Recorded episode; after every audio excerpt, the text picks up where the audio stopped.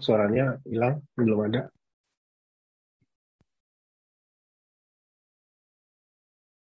Belum, belum ada, belum ada. Masih belum terdengar.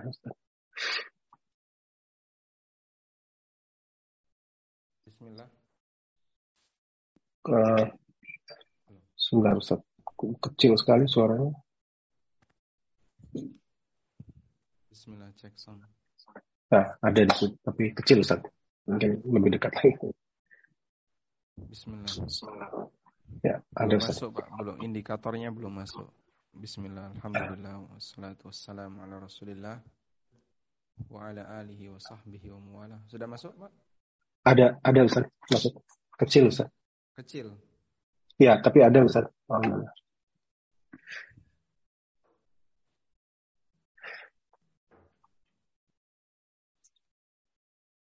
Bismillah. Cek bismillah. Kecil. Jauh kayak yang jauh Ustaz, seperti Iya, suara jauh.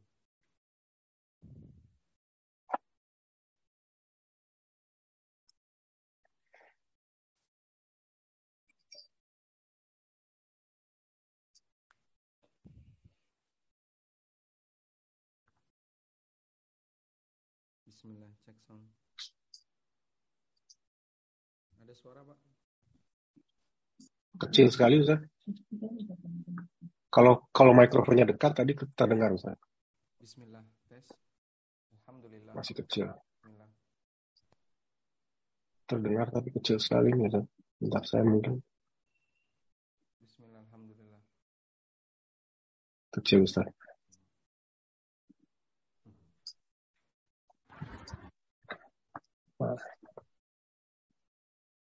Ada, ada menggema Ustaz, tapi ada Ustaz. Mungkin dari jamaah lain kalau ada terdengar silahkan message ke kami untuk mungkin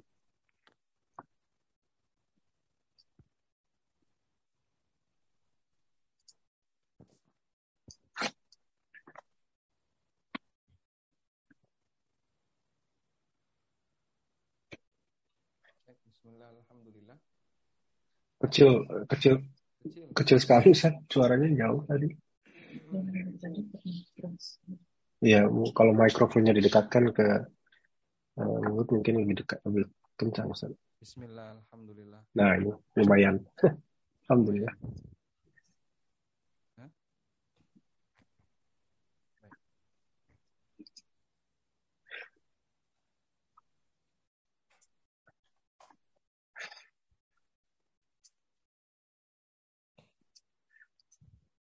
Bismillah, cek. Iya, baik Ustaz. Mantap. Eh? Alhamdulillah, bagus Ustaz. Normal Ustaz. Alhamdulillah. Di sini di sini suara normal? Normal Ustaz. Normal ya, baik. Normal Alhamdulillah. Alhamdulillah.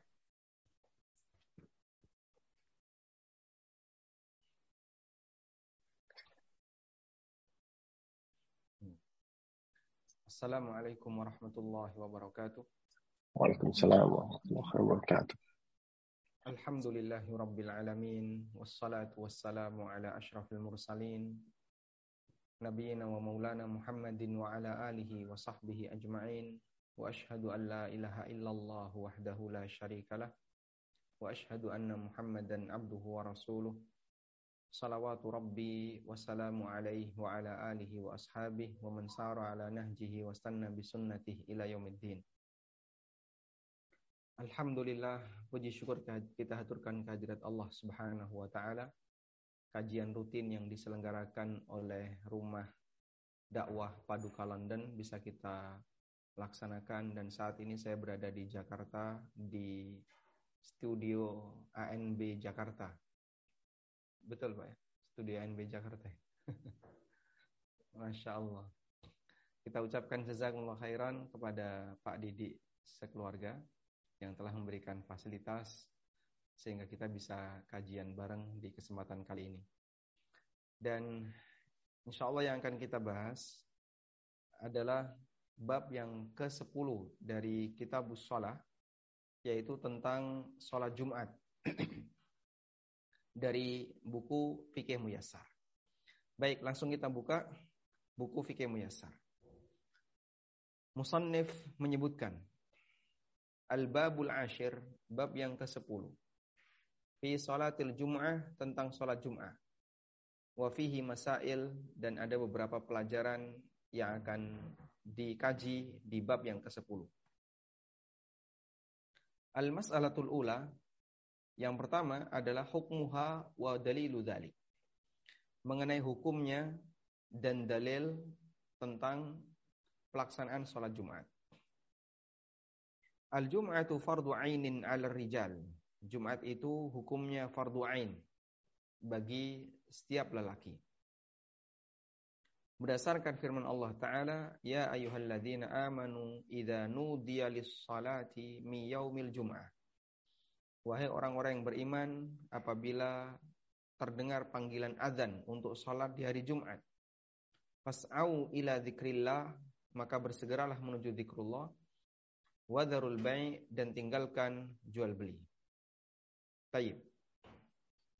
Dalam ayat ini Allah Subhanahu wa taala memanggil orang-orang yang beriman untuk melaksanakan Jumatan ketika azan Jumat sudah dikumandangkan. Idza nudiya lis-salati mi yaumil Jum'ah. Apabila ada panggilan azan untuk salat di hari Jumat. Dan Allah Subhanahu wa taala menyebut kegiatan Jumatan sebagai kegiatan zikrullah. Sehingga Allah katakan fas'au ila zikrillah. Bersegeralah menuju zikrullah. Dan Allah perintahkan agar itu dilakukan dengan segera, fas'au. Sehingga keberangkatan menuju Jumatan jangan ditunda tapi lakukan segera. Semakin cepat makin bagus, semakin datang di awal waktu makin bagus. Wadarul baik dan Allah perintahkan agar kaum muslimin meninggalkan praktek jual beli. Meskipun itu sifatnya produktif. Sehingga ini menunjukkan nilai penting dari sholat Jumat. Sampai Allah subhanahu wa ta'ala perintahkan kaum muslimin untuk meninggalkan aktivitas yang produktif sekalipun, yaitu praktek jual beli dalam rangka melaksanakan Jumatan.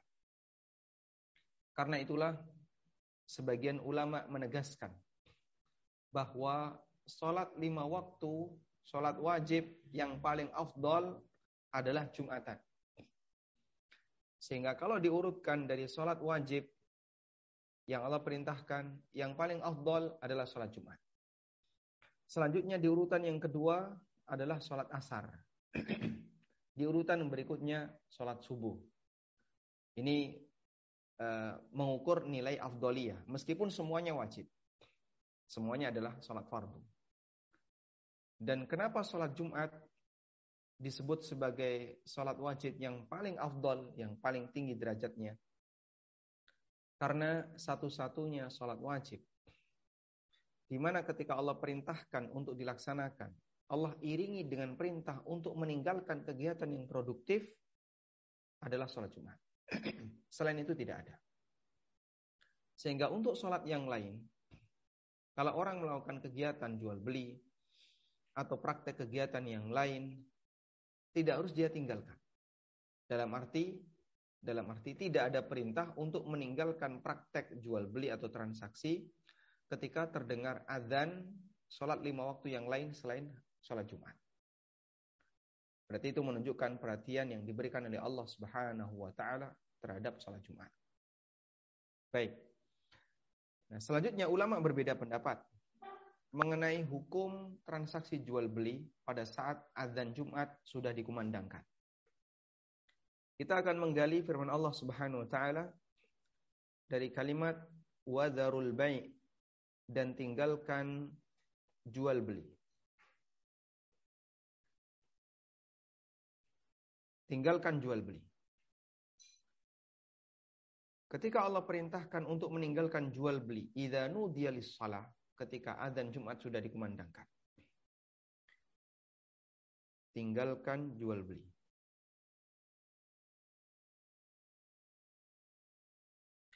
Pertama, sasaran perintah ini adalah yang wajib Jumatan.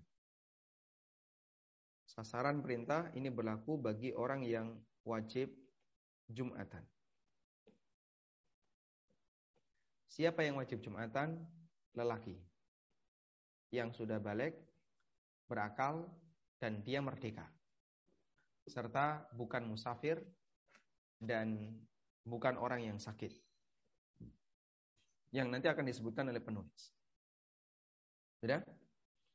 Maka orang yang tidak wajib Jumatan tidak berkewajiban untuk meninggalkan praktek jual beli ketika adzan Jumat sudah dikumandangkan. Orang yang tidak wajib Jumatan tidak berkewajiban untuk meninggalkan jual beli ketika adzan Jumat dikumandangkan. Karena sasaran dari perintah ini tinggalkan jual beli, tinggalkan jual beli ini perintah atau larangan? Perintah ya, perintah untuk meninggalkan. Karena sasaran dari perintah ini adalah mereka yang wajib untuk Jumatan. Nah, selanjutnya, ulama berbeda pendapat mengenai hukum transaksi bagi orang yang wajib Jumatan. Bagi orang yang wajib Jumatan. Ketika di hari Jumat, uh, ketika sudah adzan. Ketika sudah adzan Jumat.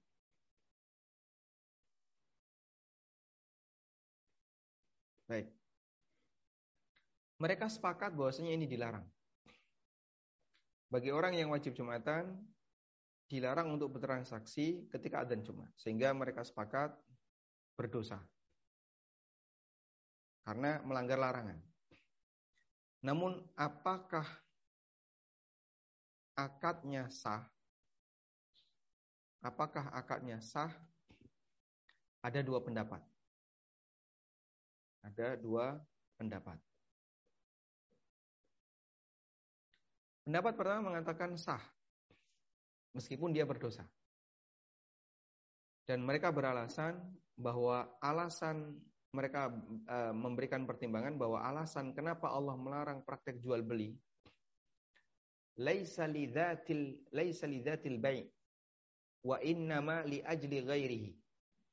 Alasan dilarang jual beli bukan karena zat transaksinya, tapi karena faktor yang lain.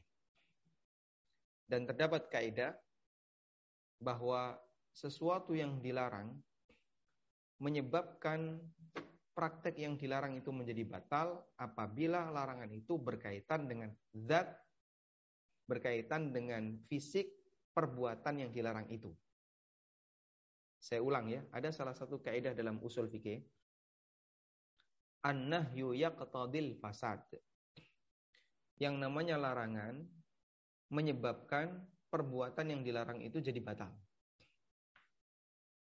Sehingga misalnya Nabi SAW melarang untuk sholat ketika matahari mau terbenam. Beliau melarang sholat ketika matahari berada di garis terbit. Kalau ada orang yang sholat di waktu-waktu larangan semacam ini, apa hukum sholatnya? Kalau berdosa jelas, dia berdosa. Loh kenapa? Karena dia melakukan sholat di waktu yang terlarang dan itu melanggar hadis Nabi, melarang larangan Nabi SAW. Kalau berdosa jelas. Namun apakah orang ini sholatnya sah? Pada kaedah yang tadi kita sebutkan, an-nahyu yaqtadil fasad, adanya larangan menunjukkan makna kalau itu batal, maka mereka memahami sholat yang dikerjakan di waktu larangan itu statusnya batal. Meskipun dia memenuhi rukunnya, meskipun dia memenuhi wajibnya, syaratnya dipenuhi, tapi karena itu dikerjakan di waktu yang terlarang, maka status sholatnya batal. Dipahami insya Allah ya. Baik. Nah kemudian Bagaimana dengan jual beli yang dilarang saat Jumatan? Berarti ketika itu dilakukan, apakah jual belinya sah atau batal? Nah, ada dua pendapat ulama. Ada yang mengatakan sah dengan alasan bahwasanya larangan itu tidak kembali kepada zat jual beli, tapi karena faktor yang lain yaitu memotivasi orang agar Jumatan. Dan ada pendapat yang mengatakan batal karena larangan ini berkaitan dengan zat jual beli, sehingga kalau dilanggar maka transaksinya batal. Baik. Sehingga pendapat yang kedua akadnya sah atau tidak, pendapat yang kedua adalah batal. Sebagai konsekuensi ketika akadnya batal, maka uang yang diterima penjual haram, barang yang diterima oleh pembeli haram sehingga wajib untuk dikembalikan. Contoh pelanggaran ini seperti apa, Pak? Banyak terjadi di tempat kita. Ada orang berangkat Jumatan, azan sudah dikumandangkan, dia berangkat. Lalu di perjalanan dia beli minyak wangi. Atau beli minuman. Atau dia beli apa lagi misalnya? Beli perlengkapan jumatan termasuk beli kresek. Untuk wadah sandal misalnya. 500 dia serahkan uang 500 dapat kresek wadah sandal. Dan itu khatib sudah naik mimbar.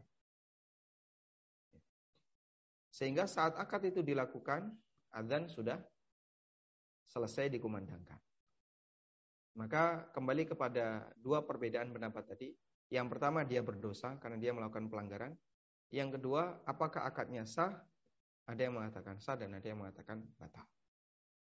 Baik. Selanjutnya, jika transaksi jual beli dilarang saat adzan Jumat dikumandangkan, padahal itu adalah aktivitas yang produktif, apalagi aktivitas yang tidak produktif maka hukumnya lebih dilarang. Maka yang kami maksud di sini adalah untuk semua aktivitas duniawi yang sifatnya tidak produktif, yang derajatnya lebih rendah daripada jual beli. Misalnya ya, orang ngegame atau uh, aktivitas yang lain dia mengerjakan sesuatu, maka itu semuanya dilarang karena jual beli aja dilarang. Sudah? Lalu kenapa di sini Allah menyebutkan jual beli? Karena biasanya kecintaan manusia terhadap dunia yang tinggi pengganggu utama dari dari aktivitas ibadah ini adalah praktek jual beli. Maka dilarang oleh Allah Subhanahu wa taala. Dan dulu para sahabat mereka pernah meninggalkan Nabi SAW. Beliau sedang berpidato, berkhutbah, bubar jamaahnya karena ingin melakukan transaksi. Allah taala berfirman, "Wa idza ra'au tijaratan aw lahwanin faddu ilaiha." Ketika mereka para sahabat itu melihat ada tijarah, ada barang dagangan. Jadi ceritanya ada rombongan pedagang yang baru masuk kota Madinah. Mendekat ke Masjid Nabawi. Lihatlah oleh para sahabat bahwa barang yang bermacam-macam mereka butuh barang itu. Masya Allah, ini mumpung masih banyak, pilihannya masih banyak. Infaddu ilaiha, mereka bubar menuju rombongan dagang tadi. Wataraku kakaima, dan mereka semua meninggalkanmu wahai Muhammad dalam posisi berdiri. Coba bayangin ya. Nabi SAW sedang berkhutbah, tiba-tiba makmumnya itu bubar berdiri menuju barang dagangan, menuju pedagang, sementara beliau dibiarkan dalam posisi berdiri. Dan sebagian sahabat menyampaikan orang yang tertinggal di masjid, orang yang tinggal di masjid yang tetap setia mendengarkan khutbah Nabi Sallallahu Alaihi Wasallam, jumlahnya tinggal kurang lebih belasan. Ada 12 atau berapa? Sisanya semuanya bubar keluar masjid. Ini gangguan gangguan Jumatan. Dulu sebelum dilarang praktek jual beli ketika Jumatan sudah dimulai pernah terjadi seperti ini. Baik. Selanjutnya Allah Subhanahu wa taala mengatakan fas'au ila dzikrillah. Fas'au ila dzikrillah. Bersegeralah menuju zikrullah. Dan yang dimaksud zikrullah di sini adalah Jumatan. Sehingga dari sini kita bisa mengambil pelajaran bahwa makna zikrullah itu tidak terbatas pada kegiatan membaca kalimat-kalimat tayyibah, kalimat-kalimat zikir. Misalnya baca tasbih, tahlil, tahmid, takbir bareng-bareng, bukan. Tapi yang dimaksud zikrullah adalah kegiatan di mana orang mengingat nama Allah dalam bentuk menyampaikan peringatan yang Allah turunkan. Karena itu ulama menjelaskan ini dan ini penjelasan dari Ibnu Qayyim. Kata zikrullah kata zikrullah ini kan bentuknya apa? Ini bentuknya frase. Bentuknya frase. Namanya jumlah idhafah. Dan kata Allah itu sebagai mudhof ilaih. Sebagai mudhof ilaih. Kita kenal dalam bahasa kita frase itu ada DM, ada MD. Masih ingat ini Pak istilah ini? Frase itu ada Masih. masih ya. Diterangkan menerangkan, ada menerangkan diterangkan. Kata Allah dalam lafaz zikrullah memiliki dua posisi itu. Kata Allah dalam lafaz zikrullah bisa berada di posisi sebagai objek. Berarti dia diterangkan ya, MD. Zikr menerangkan, Allah diterangkan. Jika dimaknai kata Allah sebagai objek, maka artinya adalah menyebut nama Allah. Atau berzikir dengan membaca kalimat-kalimat thayyibah membaca kalimat thayyibah dengan membaca Allahu Akbar, Subhanallah, Alhamdulillah, La ilaha illallah dan seterusnya. Ini makna zikrullah yang pertama. Yang kedua, kata Allah berposisi sebagai subjek. Sehingga Allah menerangkan zikernya diterangkan. Jadinya DM. Ketika kata Allah berposisi sebagai subjek, maka makna dari zikrullah di situ adalah mempelajari mempelajari peringatan mempelajari peringatan yang Allah turunkan.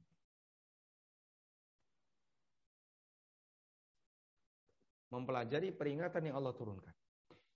Dari sinilah kita bisa memahami kenapa para ulama menyebut majelis ilmu sebagai majelis zikir sebab majelis ilmu yuzkaru fihi ma anzalallah. Di situ dibahas peringatan yang Allah turunkan. Membahas Al-Qur'an, membahas hadis Nabi wasallam dan seterusnya. Nah, kaitannya dengan Jumatan yang disebut dengan zikrullah berarti zikrullah untuk makna yang mana? Yang satu atau yang dua? Yang kedua. Fas'au ila zikrillah, bersegeralah menuju zikrullah.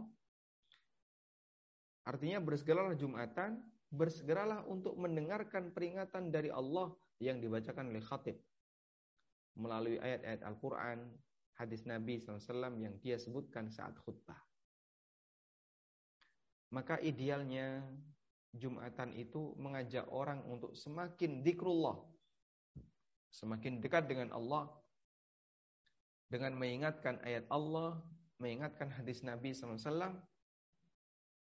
Agar manusia semakin dekat dengan peringatan yang Allah turunkan.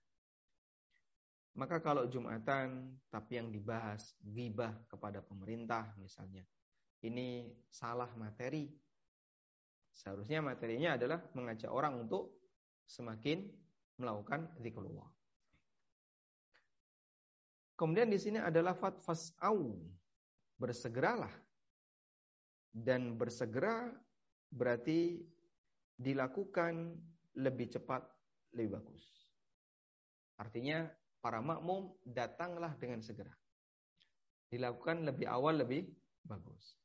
Dari sini kita bisa memahami keutamaan dari orang yang datang Jumatan di awal waktu sebab dia mengamalkan perintah Allah fas'au ila zikrillah. Nah. Ini kurang lebih pelajaran yang bisa kita ambil dari firman Allah Subhanahu wa taala Ya ayyuhalladzina amanu idza nudiya lis-salati min yaumil jum'ah fas'au ila dzikrillah wa dzarul bait. Dari sinilah kita bisa uh, menyimpulkan, memahami tentang keterangan para ulama. Kenapa hari Jumat itu disebut sebagai hari Jumat? Lianna fihi jama'an nas. Karena di hari itu masyarakat berkumpul dalam rangka untuk mendengarkan tausiah, mendengarkan peringatan yang disampaikan oleh khatib.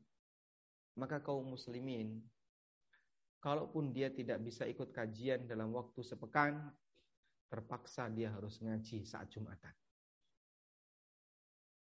Cuman yang jadi masalah, fungsi Jumatan ini di, di masyarakat kita nggak maksimal sebab banyak orang yang ketika Jumatan datangnya telat, Kalaupun datang ketika khotib sudah naik mimbar, atau ketika dia datang kadang nggak mendengarkan. Atau kalau mendengar nggak perhatian. Karena kebanyakan di antara mereka ketika Jumatan niatnya hanya satu, menggugurkan kewajiban. Maka akhirnya fungsi edukasi dari Jumatan yang diselenggarakan tidak maksimal. Fungsi edukasi itu tidak maksimal karena tadi ya mereka tidak eh, memperhatikan secara maksimal peringatan yang disampaikan oleh khatib saat Jumatan. Selanjutnya, Nabi SAW bersabda, Rawahul Jum'ati wajibun, berangkat Jumatan itu wajib ala kulli muhtalim bagi setiap orang yang sudah balik. Hadis riwayat An-Nasa'i dan dinilai sahih oleh Syalbani. Wa qauluhu sallallahu alaihi wasallam dan Nabi sallallahu alaihi wasallam juga bersabda, "Layan tahiyanna aqwamun." Hendaknya orang itu menghentikan perbuatannya an wada'im an wada'ihimul jumu'at. Hendaknya orang itu meninggalkan perbuatannya yang suka meninggalkan Jumatan. Au la la ala atau Allah akan mengunci menutup hatinya Thumma layakunanna minal ghafilin. Kemudian dia akan menjadi orang yang lalai. Sehingga dia sulit untuk mendapatkan peringatan. Hadis riwayat Muslim.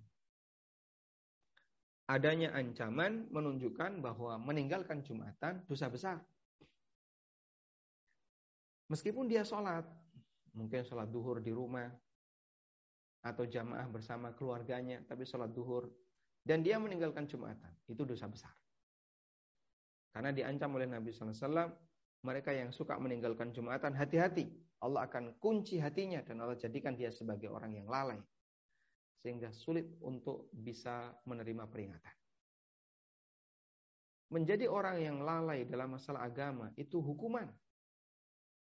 Maka kalau ada orang yang dia lalai dari agama, nggak punya perhatian untuk belajar ilmu agama, berarti orang ini adalah orang yang mendapatkan hukuman. Meskipun banyak orang yang nggak sadar kalau sebenarnya dia sedang dihukum. Karena banyak orang yang merasa bisa menikmati ketika dia nggak dekat dengan sumber agama, sumber ilmu agama, santai saja, nggak punya perhatian terhadap ilmu. Padahal hakikatnya itu adalah hukuman. Allah jadikan al-ghaflah itu sebagai bagian dari hukuman. Thumma layakunanna minal ghafilin, kemudian dia akan menjadi orang yang lalai nggak punya perhatian dengan agama. Qala nawawi kata An-Nawawi rahimahullah fihi dalam hadis ini terdapat kesimpulan annal jum'ata fardu ain bahwa Jumatan itu hukumnya fardu ain. Bukan fardu kifayah. Meskipun dalam madhab syafi'iyah jamaah itu fardu kifayah. Tapi Jumatan fardu ain. Walil haditsil ati dan juga didukung oleh hadis berikut ba'da qalil. Setelahnya yang nanti akan disebutkan oleh penulis wa fihi dan di situ juga ada keterangan al jum'atu haqqun wajibun ala kulli muslim. Jumatan itu kewajiban bagi setiap muslim. Walhamdulillahi alamin. Selanjutnya kita buka al-mas'alatu tsaniyah. Pelajaran yang kedua alaman tajibu siapa yang wajib Jumatan.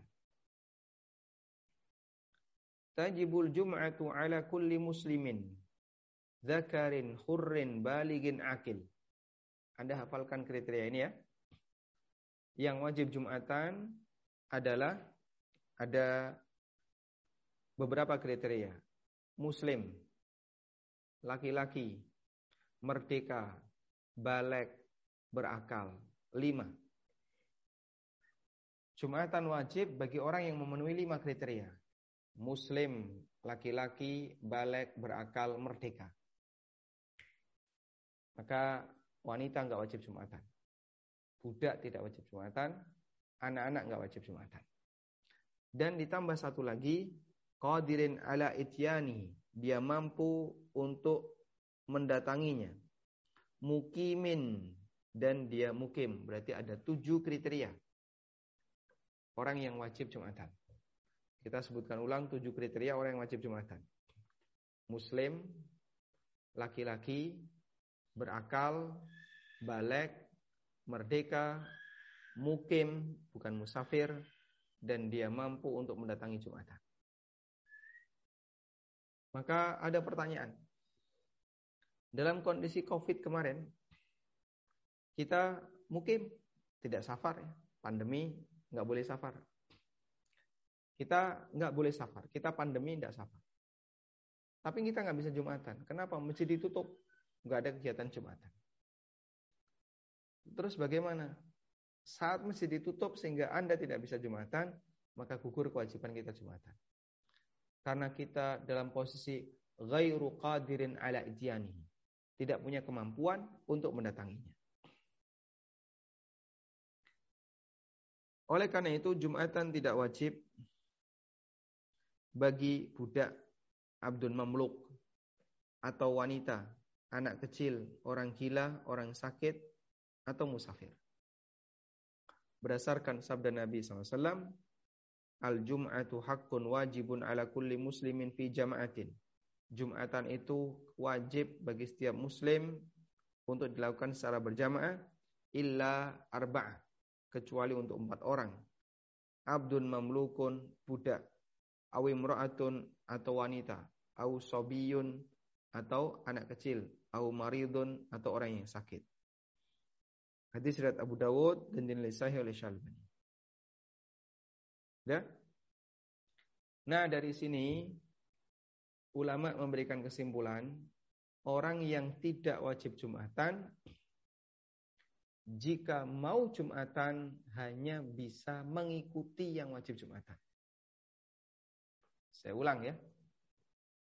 Orang yang tidak wajib Jumatan, jika mau Jumatan hanya bisa mengikuti orang yang wajib Jumatan. Paham insya Allah? Baik. Sehingga, bolehkah wanita itu menyelenggarakan Jumatan sendiri? Ibu-ibu kumpul di musola. Khotibnya ibu-ibu. Muadzinnya ibu-ibu. Tapi semuanya nggak pakai speaker ya. Muadzinnya nggak pakai speaker ibu-ibu. Khotib ibu-ibu. Ya. Jamaahnya semuanya ibu-ibu. Akhwat semuanya. Nanti yang imam juga ibu-ibu. Bolehkah seperti itu? Tidak boleh. Kok bisa, Pak?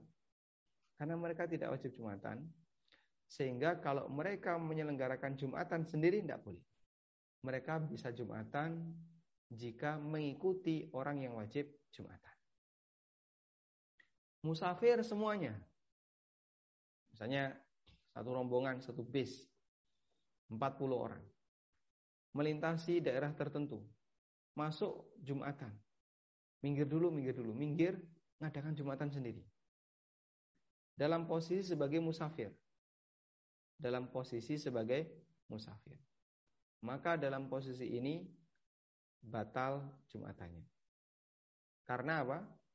Dia mengadakan Jumatan sementara dia bukan orang yang wajib Jumatan. Karena orang yang tidak wajib Jumatan jika menyelenggarakan Jumatan harus menjadi pengikut bagi yang wajib Jumatan. Hanya bisa dengan cara mengikuti. Dipahami insya Allah. Sehingga musafir tidak boleh menyelenggarakan Jumatan, tapi boleh mengikuti Jumatan. Contohnya mana Pak? Musafir yang ikut Jumatan. Oh banyak sekali ya. Kita di Masjidil Haram, di Masjid Nabawi itu musafir dan kita ikut Jumatan. Ibu-ibu di Masjidil Haram, Masjid Nabawi ikut Jumatan. Sehingga mereka boleh ngikut Jumatan tapi statusnya sebagai pengikut dan bukan penyelenggara. Nah, ini penting untuk saya tulis ya. Bahwa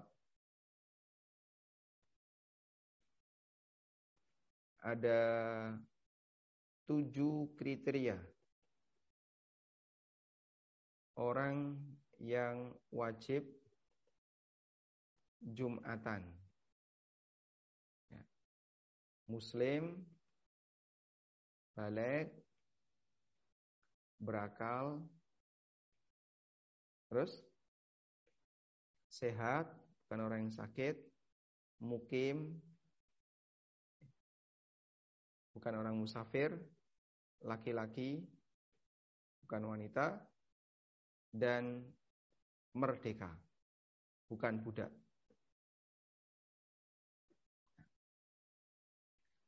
Tujuh kriteria orang yang wajib Jumatan. Nah, selanjutnya, bagi yang tidak wajib Jumatan,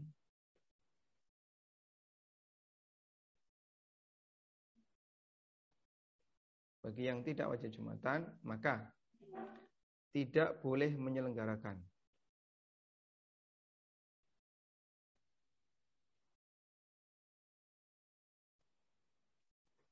Tidak boleh menyelenggarakan sendiri. Tapi boleh mengikuti. Sehingga kalau mau Jumatan hanya bisa mengikuti. Sehingga jika mau Jumatan bagi yang tidak wajib Jumatan, jika mau Jumatan hanya bisa mengikuti.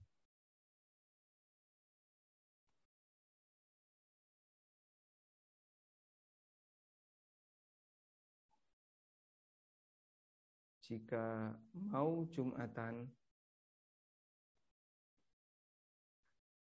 hanya bisa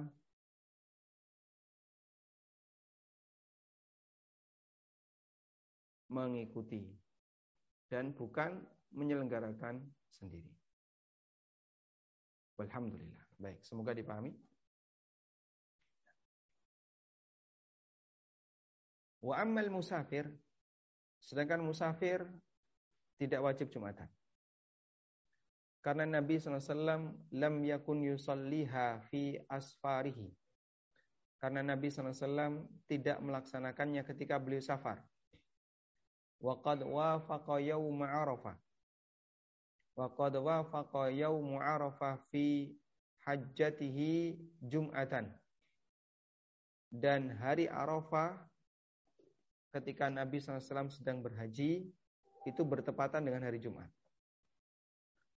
Hari Arafah ketika Nabi SAW berhaji itu bertepatan di hari Jumat. Wa ma'adzalika sallaha zuhran Meskipun demikian, Nabi SAW hanya sholat duhur dan dijamak dengan asar, jamak takdim. Ammal musafiru alladhi yanziru baladan tuqamu fihil jum'ah. Adapun musafir yang singgah di satu daerah tertentu yang di situ dilaksanakan Jumatan, fa innahu yusalliha ma'al muslimin maka dia Jumatan bersama kaum muslimin yang lain. Wa idza hadaraha al-'abdu awil mar'atu awis sabiyyu awis sabiyyu al-mawridu apabila ada budak, wanita, anak kecil, orang sakit atau musafir ikut hadir dalam Jumatan sahhat minhu hukumnya sah. Wa ajza'athu an salati dhuhri dan mengukurkan sholat duhur. Sehingga ketika dia Jumatan, maka dia tidak perlu untuk sholat duhur. Baik, tadi sudah kita jelaskan ini ya. Sehingga posisi mereka yang tidak wajib Jumatan hanya bisa mengikuti dan tidak bisa menyelenggarakan sendiri. Di sinilah perbedaan ya. Kriteria uh, Jumatan dengan sholat jamaah. Karena Jumatan itu ada fungsi menggalang masa. Agar semua orang berkumpul menggalang masa. Ada fungsi itu. Maka tidak boleh semuanya dikasih kebebasan. Yang boleh hanya mereka yang memenuhi kriteria sebagaimana yang tadi kita sebutkan. Baik. Kemudian kita beralih ke al-mas'alatus tsalitsah. Ke pelajaran yang ketiga. Waktuha mengenai waktu Jumatan. Waktu Jum'ati huwa waktu zuhri. Waktu Jumatan itu sama dengan waktu zuhur.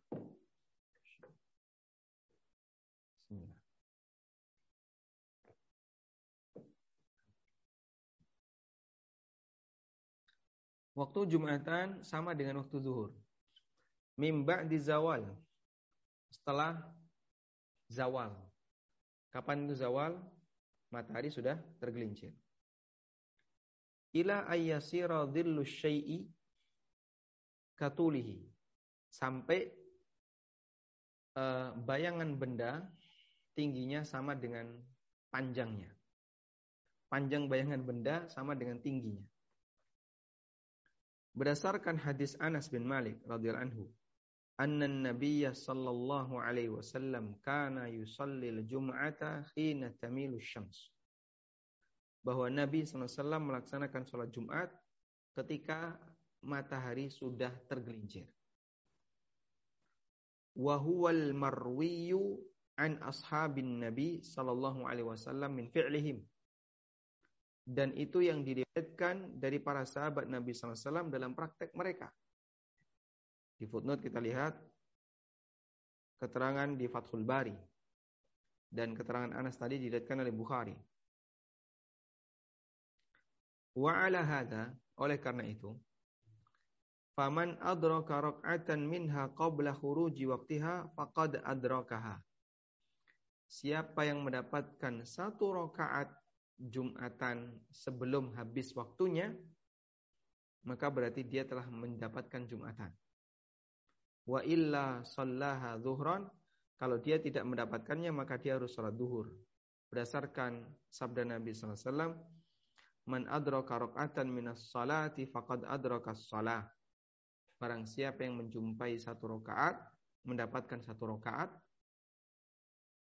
dari sebuah sholat, maka dia dianggap telah mendapatkan sholat itu. Ya, sehingga misalnya ya, orang sholat uh, duhur empat rakaat, mepet di waktu asar. Mepet di waktu asar. Dapat satu rakaat, bangkit ke rakaat yang kedua, terdengar adzan asar tepat waktu. Pas. Tapi dia sudah dapat satu rakaat, maka terhitung dia telah mendapatkan sholat itu jika dia sudah dapat satu rokaat. Baik. Nah, tentang ini sebenarnya ulama berbeda pendapat. Coba saya angkat sebentar ya. Berkaitan dengan waktu sholat Jumat.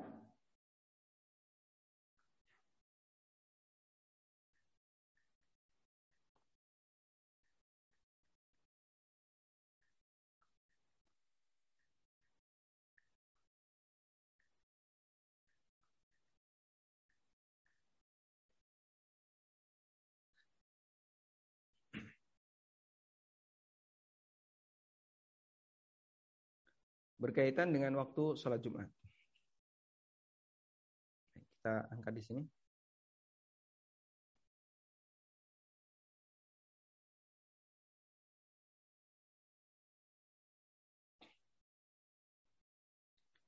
Ikhtalafa ahlul ilmi fi awwali waktu salatul jum'ah ala qaulain. Ada dua pendapat ulama berkaitan dengan waktu salat Jumat. Al-qaul awal, pendapat yang pertama zawalu syamsi. Salat Jumat dimulai atau Jumatan dimulai sejak matahari tergelincir. Sebagaimana waktu salat duhur. Wala tajuzul jum'atu qabla. Dan tidak boleh Jumatan sebelum itu. Dan ini merupakan pendapat jamahir ulama Hanafi di kalangan Hanafiyah, Malikiyah dan Syafi'iyah. Bahkan kata Nawawi ini merupakan pendapat jumhur para sahabat, tabi'in dan para ulama generasi setelahnya. Nah. Dan dalil tentang ini adalah hadis Anas bin Malik. Nabi SAW melaksanakan sholat Jumat hina tamilu syamsu ketika matahari sudah tergelincir, ketika sudah masuk waktu zuhur. Hadis riwayat Bukhari. Wa bawwaba alaihi rahimahullah dan Imam Bukhari memberikan judul bab hadis ini dengan babu waktil jum'ati idza zalati syams. Bab bahwa waktu pelaksanaan sholat Jumat adalah ketika matahari sudah tergelincir. Demikian pula yang diriwayatkan dari Umar, dari Ali, dari An-Nu'man bin Bashir, dari Amr bin Huraith radhiyallahu anhum. Kemudian Dalil yang kedua adalah hadis Salamah Ibnul Aqwa. Radhiyallahu anhu beliau bercerita, "Kunna nujammi'u ma'a Rasulillah sallallahu alaihi wasallam idza zalati syamsu. Thumma narji'u natatabba'u al-fai'a." Kami melaksanakan Jumatan bersama Rasulullah SAW ketika matahari sudah tergelincir. Kemudian kami pulang sambil mencari mencari jalanan yang kena teduh. Ya. Jadi di sini ketika kumpul Jumatan dimulai saat matahari sudah tergelincir, sudah, maka nanti kan ada khutbah, ada sholat. Nah matahari kan semakin ke barat, bangunan semakin kelihatan bayangannya. Nah sahabat ini ketika pulang, natatabbaul alfaya. Mereka itu nyari bayangan-bayangan tadi. Bayangan-bayangan bangunan. Hadis riwayat Muslim. Baik, ini pendapat yang pertama. Al-qaulus tsani, pendapat yang kedua. Diperbolehkan untuk Jumatan sebelum matahari tergelincir, sebelum masuk zuhur. Yakni anna bidayata waqtiha Artinya mulainya Jumatan itu sebelum mulai waktu duhur. Sebelum duhur sudah dilaksanakan Jumatan. Dan ini adalah pendapat Imam Ahmad bin Hambal dan Ishaq bin Rahuya. Kemudian di antara dalilnya adalah hadis dari Ja'far bin Muhammad dari ayahnya yaitu Muhammad Al-Baqir dari sahabat Jabir bin Abdullah radhiyallahu anhu. Jabir bercerita, "Kunna nusalli ma'a Rasulillah sallallahu alaihi wasallam." Kami salat Jumat bersama Rasulullah sallallahu "Tsumma narji'." Lalu kami pulang. Fanurihu fanurihu nawadihana. Lalu kami mengistirahatkan onta-onta kami. Qala Hasan, kata Hasan, Fakul tuli Ja'far, maka aku bertanya kepada Ja'far, fi ayyi sa'atin tilka? Fi ayyi sa'atin tilka? Para sahabat itu mengistirahatkan ontanya tadi pas kapan? Qala zawala syamsi, ketika matahari tergelincir. Berarti coba diperhatikan di sini. Mereka selesai Jumatan pulang. Lalu onta yang masih ada di luar kandang dibawa masuk ke kandang. Dan itu terjadi ketika matahari tergelincir. Berarti kan Jumatannya dilakukan sebelum itu. Nah,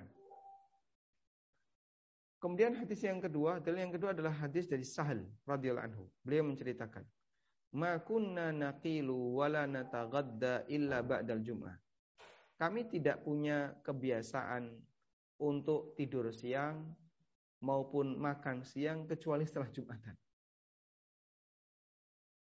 Baik, meskipun ini tidak mengisyaratkan hal itu. Nah, hadis yang ketiga ini yang lebih menunjukkan itu. Dari Salamah Ibnul Aqwa radhiyallahu anhu beliau bercerita Kunna nusalli ma'a Rasulillah sallallahu alaihi wasallam al-jum'ah. Kami salat Jumatan bersama Rasulullah sallallahu alaihi wasallam. Panarji lalu kami pulang wa ma najitu lil hitani fai'an nastadillu bihi. Selesai Jumatan kami pulang, kami tidak menjumpai tembok itu ada bayangan yang bisa kita gunakan untuk berteduh. Jadi bayangan tembok itu belum muncul. Kalau bayangan tembok itu belum muncul, ketika bayangan tembok itu belum muncul, jadi Anda bisa bayangkan sebuah tembok, ya. Ketika bayangannya belum muncul, berarti gimana? Saat bayangannya belum ada, berarti kurang lebih matahari masih berada di tengah. Karena tidak ada bayangan. Dan itu saat sahabat pulang Jumatan. Maka ini jadikan dalil oleh uh, para ulama yang tadi kita sebutkan, yaitu Ishaq bin Rahuya, Imam Ahmad, dan yang lainnya, yang punya pendapat bahwa Jumatan boleh dimulai sebelum matahari, sebelum waktu zuhur. Dan hadis Salama bin Aqwa itu riwayat Bukhari dan Muslim.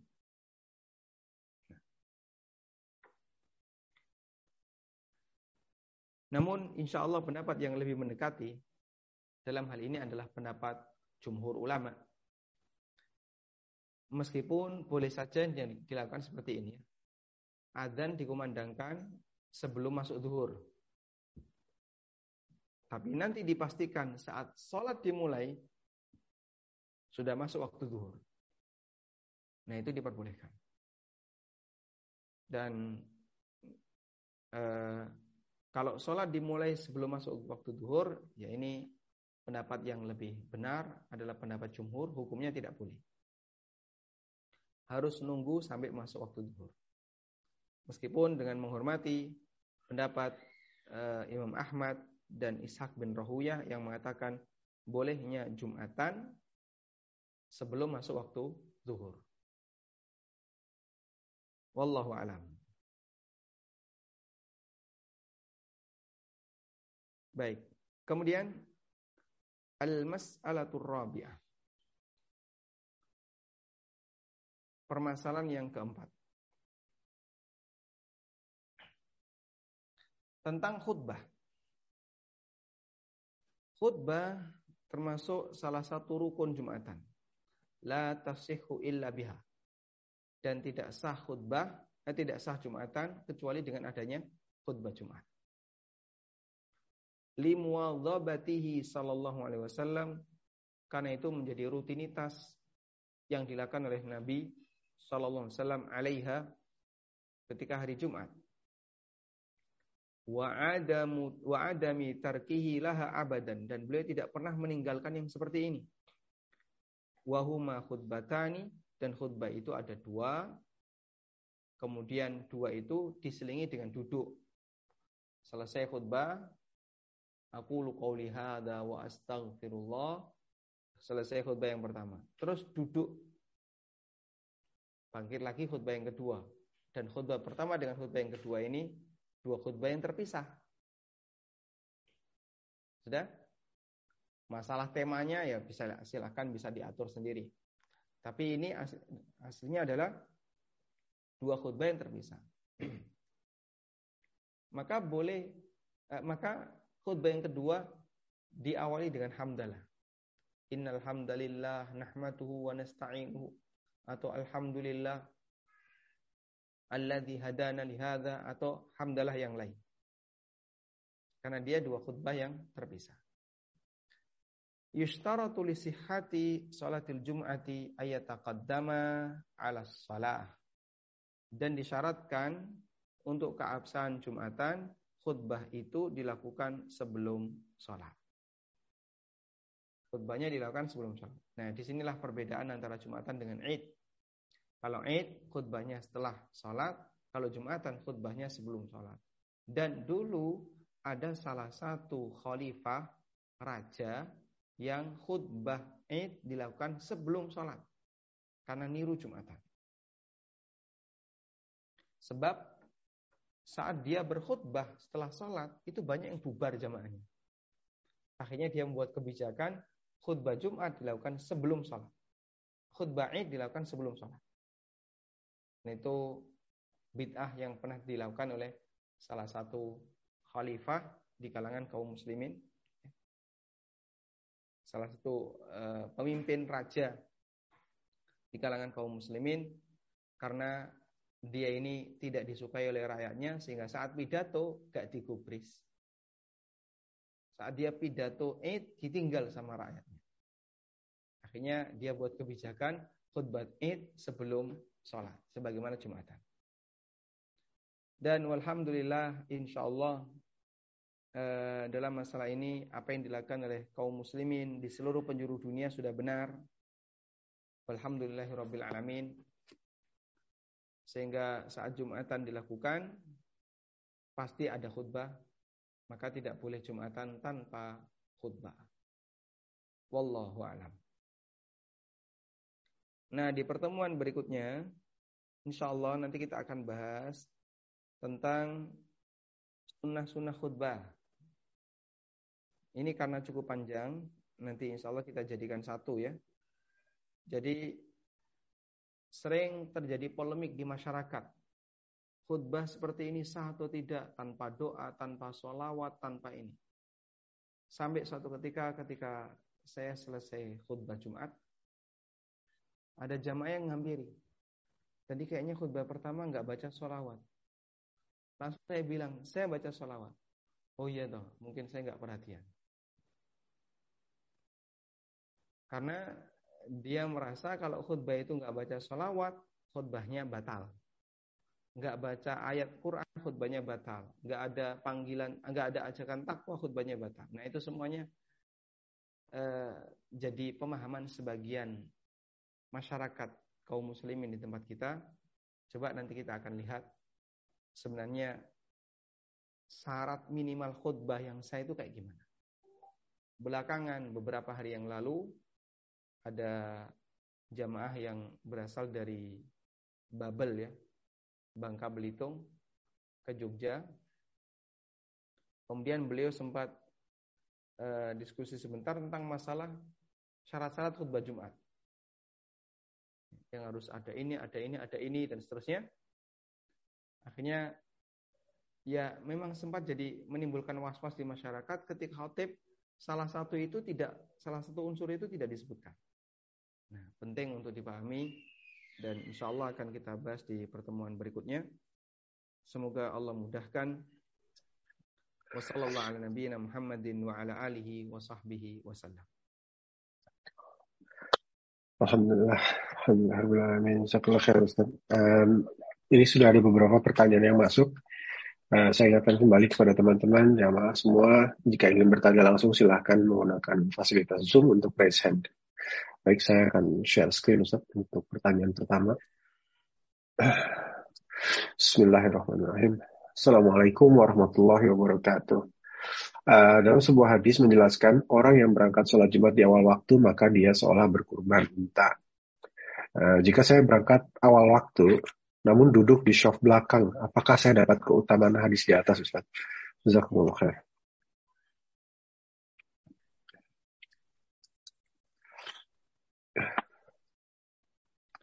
Berkaitan dengan ini hadisnya sahih.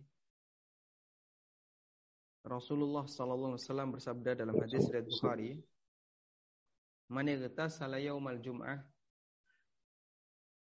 Man igtasala yaumal jum'ah ghuslal janabah." Siapa yang mandi di hari Jumat sebagaimana mandi junub. Pemaraha, kemudian dia berangkat di waktu pagi menuju Jumatan. Faka'an nama qarraba badana maka dia mendapatkan pahala seperti berkurban onta. Waman raha fis sa'ati dan siapa yang berangkat di waktu yang kedua faka'annama qarraba baqara seolah-olah dia mendapatkan maka dia mendapatkan pahala kurban sapi dan seterusnya sampai bagian yang terakhir waman raha fis sa'atil khamisah dan siapa yang datang di waktu yang kelima nama qarraba baydatan maka dia seperti kurban telur Faida kharajal imamu hadaratil malaikah yastami'un. Ketika imam datang, maka para malaikat menutup buku catatannya dan ikut mendengarkan khutbah. Sehingga di sini terdapat penekanan agar makmum itu datang di awal waktu. Baik, kemudian apa yang dimaksud dengan as-sa'ah, as-sa'ah, as-sa'ah itu di waktu pertama, waktu kedua, waktu ketiga. Ada yang menyebutkan wa tuqassamu ala hasabil waqti baina tulu'i syamsi ilal adzani tsani khamsata ajza. Cara ngitung waktu itu adalah dihitung dari sejak terbit matahari sampai khotib naik mimbar. Anggap misalnya khotib naik mimbar khotib naik mimbar jam 12. Ya. Terbit matahari jam setengah enam. Berarti berapa jam itu? Enam setengah jam. Dibagi lima. Nah, di sini dibagi khamsata ajza'id dibagi lima. Wa yakunu kullu juz'in minha huwal maqsudu bis-sa'ah allati fil hadis. Nah, setelah dibagi lima, maka masing-masing bagian itulah seperti yang disebutkan dalam hadis. Sehingga orang kalau ditanya, kita kalau ditanya, cara dapat onta itu gimana? Dari setengah enam sampai jam 12 bagi lima, berarti masing-masing dapat satu setengah jam anggap. Berarti yang dapat onta adalah yang datang di hari Jumat, yang datang Jumatan sebelum jam 7. Nanti kalau mau kurban sapi, berarti datang antara jam 7 sampai jam setengah 9. Yang pengen dapat kurban kambing setengah 9 sampai jam 10. Itu jam 10 sampai setengah sampai jam 11, jam 11 sampai jam 12. Misalnya seperti itu. Baik. Nah, bagaimana kalau misalnya datang di awal, tapi milih di belakang? Gak merapat ke depan. Apakah juga mendapatkan keutamaan ini?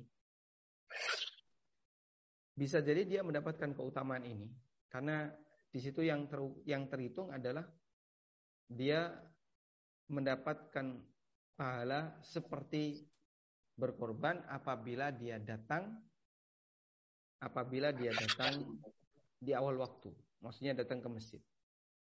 Dan tidak ada penjelasan posisi. Namun disebutkan dalam hadis yang lain di mana Rasulullah SAW memperhitungkan posisi. Ada sebuah hadis.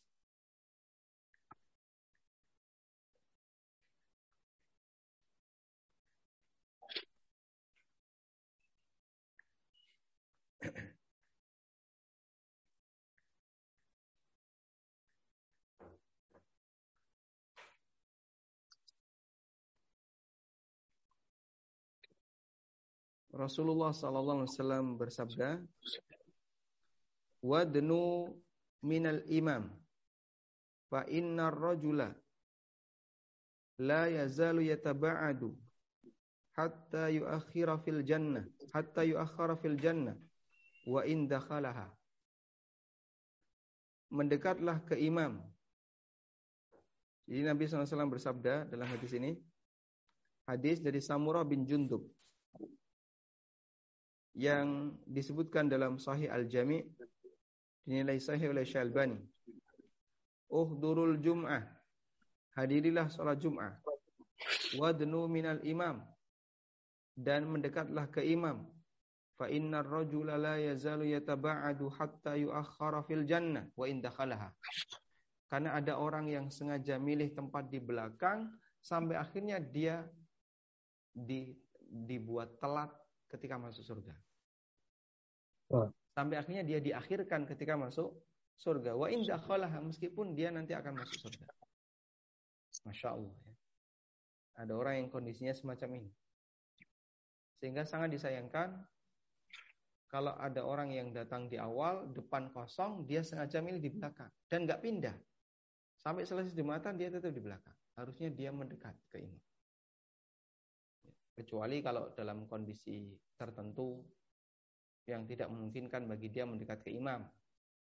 Misalnya di Masjidil Haram, itu kan rumit sekali. Cari tempat imam di mana? Mungkin Di sini ditutup, di sini ditutup.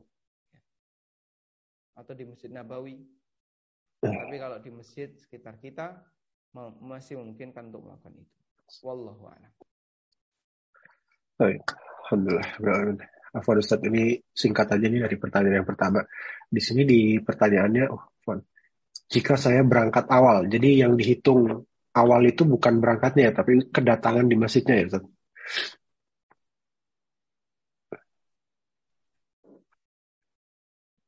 Ketibaan uh, tibanya jamaah jam, jamaah masuk ke dalam masjid ya, bukan berangkat dari rumahnya ya, Ustaz.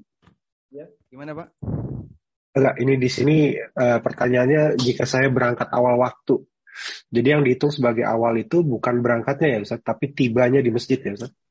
Betul. Baik, Alhamdulillah. Jelas. Baik, berikutnya pertanyaan berikutnya nih Ustaz. Uh, Assalamualaikum Ustaz, izin bertanya. Uh, di masjid dekat rumah kami di UK, azan dilakukan dua kali. Setelah azan pertama biasanya ada dakwah di mana imam berdakwah tematik. Saat ini jamaah masuk dan mengambil tempat. Kemudian kira-kira 30 menit kemudian azan kedua, khatib berdiri di mimbar lalu khutbah Jumat mulai. Kemudian iqamah dan sholat mulai.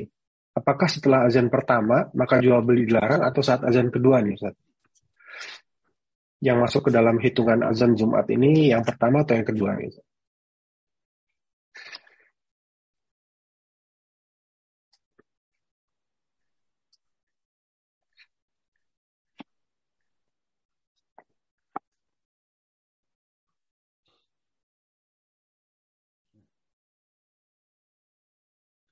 Jadi ada hadis yang melarang untuk mengadakan kegiatan kajian sebelum Jumatan.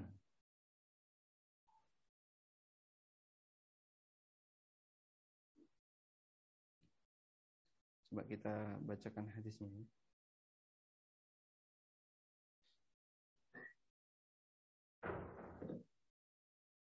Baik. Ini kita bacakan hadisnya. Saya tidak tahu kalau kebiasaan itu di tempat kita kan tidak ada. Ya, satu. Di Indonesia nggak ada yang kayak gitu. Kalau di sana itu di di UK ya. Nah, Ustaz. Betul. Faqad kariha ahlul ilmi, para ulama memakruhkan at-tahalluqu fil masjid yaumal jum'ah. Mengadakan halakoh di masjid pada hari Jumat qabla salah sebelum pelaksanaan Jumatan. Berdasarkan hadis dari Amr bin Shu'aib dari ayahnya dari kakeknya. Anna Nabiya sallallahu alaihi wasallam naha 'anit tahalluqi yaumal jum'ah qabla shalah. Nabi SAW melarang untuk mengadakan halakoh ilmu kajian di hari Jumat sebelum sholat. Wa anis syira'i wal bai'i fil masjid dan beliau melarang transaksi jual beli di masjid. Riwayat Abu Dawud, An-Nasai, Ibnu Majah. Qala Al-Khattabi Al-Khattabi mengatakan innama kurihal istima'u qabla salati lil ilmi wal mudzakarah.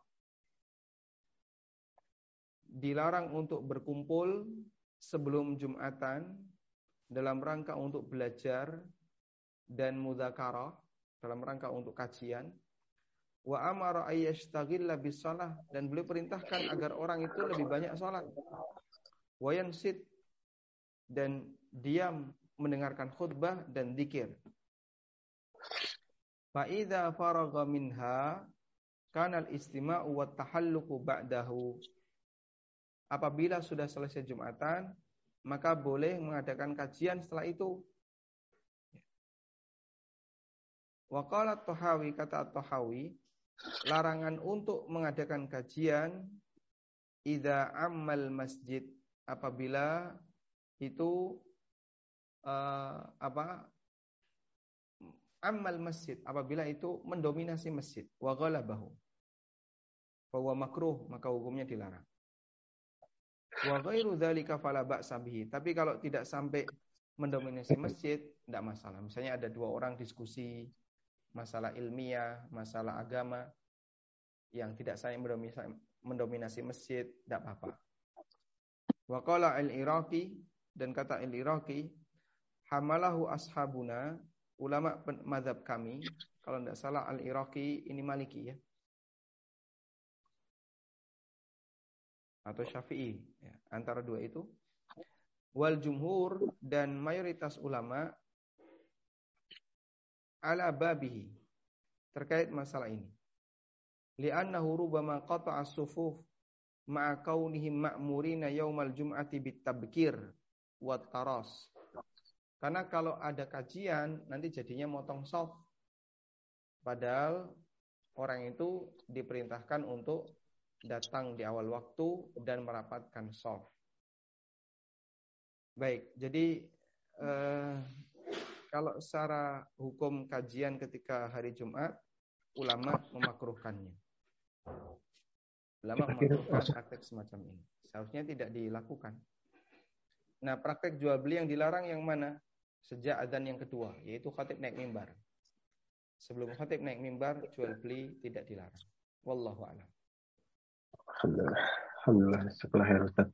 Uh, apa nih Ustaz, jam 14.57 atau jam 9 waktu Jakarta uh, masih bisa terus Ustaz?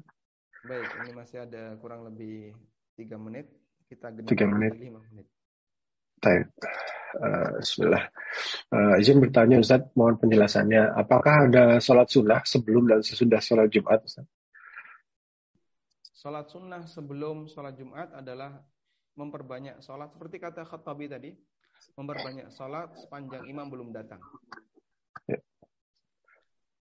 Dan itu kebiasaan para sahabat di masa silam. Sebelum Nabi SAW datang, mereka memperbanyak sholat. Jika itu yang disebut dengan qobliyah Jumat, ini yang benar. Ya. Dan setelah Jumatan, Nabi SAW terbiasa melaksanakan empat rakaat, dua salam, dua salam. Tapi kalau okay. yang dimaksud qobliyah Jumat adalah setelah terdengar adzan lalu dia sholat, ya, ini jelas nggak disyariatkan. Sebab khotib sudah hadir. Wa idza ja'al khatib apabila khatib sudah datang kata as salah maka salat sudah tidak boleh dilakukan yaitu salat sunnah. Namun mendengarkan khatib. Sehingga qobliyah Jumatan itu dilakukan sebelum khatib naik mimbar, bukan dilakukan setelah adzan Jumat.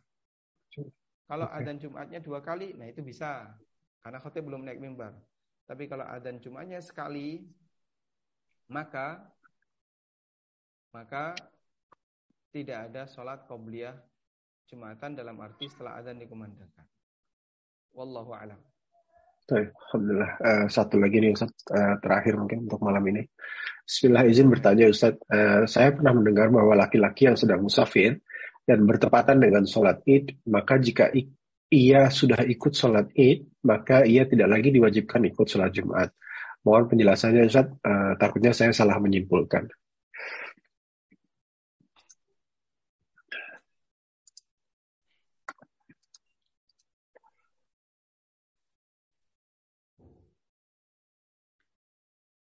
Eh,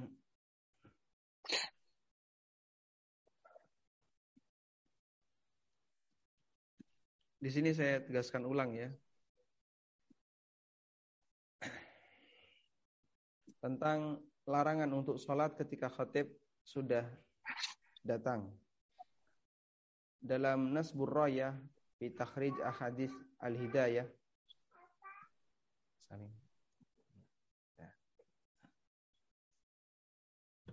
Dalam kitab Nasbur Raya dinyatakan wa yukrahu ayatanaffala ba'da tulu'il fajri uh, wa yukrahu ayatanaffala idza kharaja al-imam lil khutbah yaumal jum'ah ila ayyafurgha min khutbatihi dan tidak boleh untuk melakukan sholat ketika sholat sunnah ya ketika imam sudah keluar untuk khutbah Jumat sampai selesai khutbah.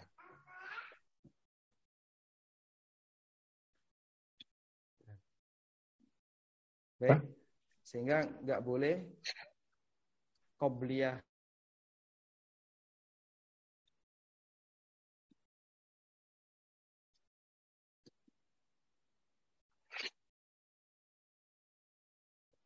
Wah, putus ini.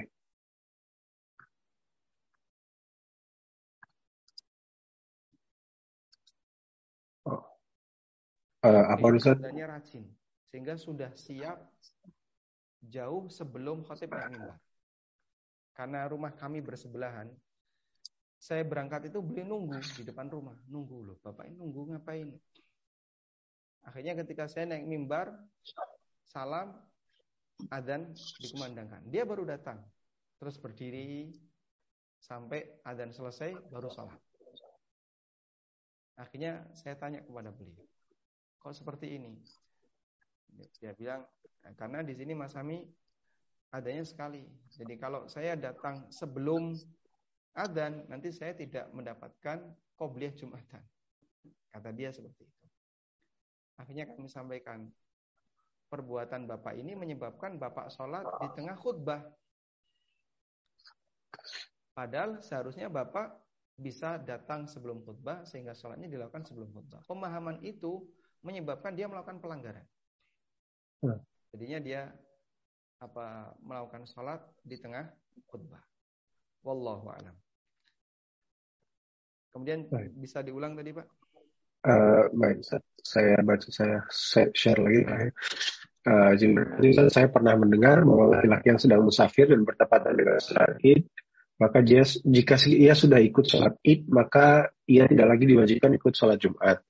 Mohon penjelasannya Ustaz, takutnya saya salah menyimpulkan. Ini pernah disampaikan oleh Rasulullah SAW ketika beliau uh, khutbah id yang id itu bertepatan dengan hari Jumat. Kemudian beliau Sallallahu Alaihi Wasallam memberikan rukhsah. Barang siapa yang sudah datang sholat id, maka dia boleh tidak ikut Jumatan. Lalu beliau mengatakan, wa inna mujammi'un. Dan kami nanti tetap akan Jumatan. Sehingga Nabi SAW tetap Jumatan. Kemudian Utsman bin Affan radhiyallahu anhu juga pernah mengalami kejadian yang sama. Salat Id bertepatan dengan Jumatan. Lalu beliau tetapkan li ahlil awali bagi mereka yang datang dari pelosok karena kan sholat id dulu itu hanya dilakukan di kota, di pusat kota. Sehingga orang-orang pelosok pada berdatangan untuk sholat id di kota. Tidak seperti kita kan.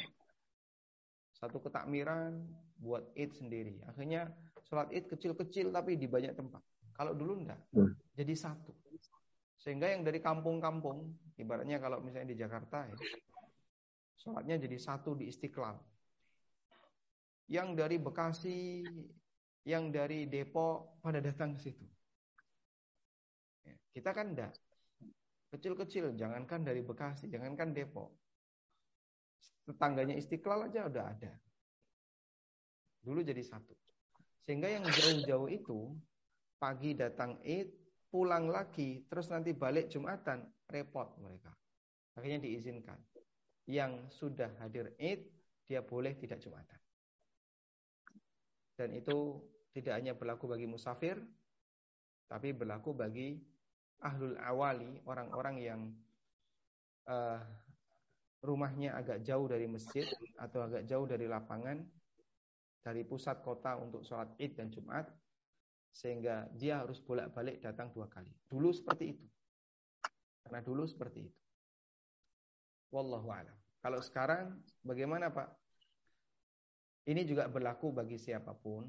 Namun para ulama menegaskan bagi takmir dan penyelenggara Jumatan dia tetap wajib menyelenggarakan Jumatan dalam rangka untuk memberikan ruang bagi jamaah yang tidak melaksanakan sholat id agar bisa tetap ikut Jumatan. Tapi bagi mereka yang sudah ikut sholat id boleh tidak Jumatan. Wallahu ah, Alhamdulillah Ustaz. Uh, mungkin sudah waktunya habis nih Ustaz. Jam 9 lewat 5. Mungkin kita tutup saja Ustaz. Silakan. Baik. Demikian yang bisa kita sampaikan. Allahumma anfa'na bima 'allamtana wa 'allimna ma yanfa'una warzuqna ilma. Wa sallallahu ala nabiyyina Muhammadin wa ala alihi wa sahbihi wa sallam. Wa akhiru da'wana anil hamdulillahi alamin. Wassalamualaikum warahmatullahi wabarakatuh. Waalaikumsalam warahmatullahi wabarakatuh. Baik Ustaz, Jazakallah khair uh, atas ilmu dan waktunya buat kami Ustaz. Insya Allah kita akan bertemu kembali di kajian berikutnya. Melanjutkan uh, kitab Jumat. Uh, dari kami dari Rumah Dakwah Paduka kami mohon maaf jika ada kesalahan baik dalam sikap maupun perkataan. Insya Allah kita bertemu kembali. Subhanakallahumma wa bihamdika asyhadu an la ilaha illa anta astaghfiruka wa atubu ilaik. Barakallahu fikum. Wassalamualaikum warahmatullahi wabarakatuh. Assalamualaikum.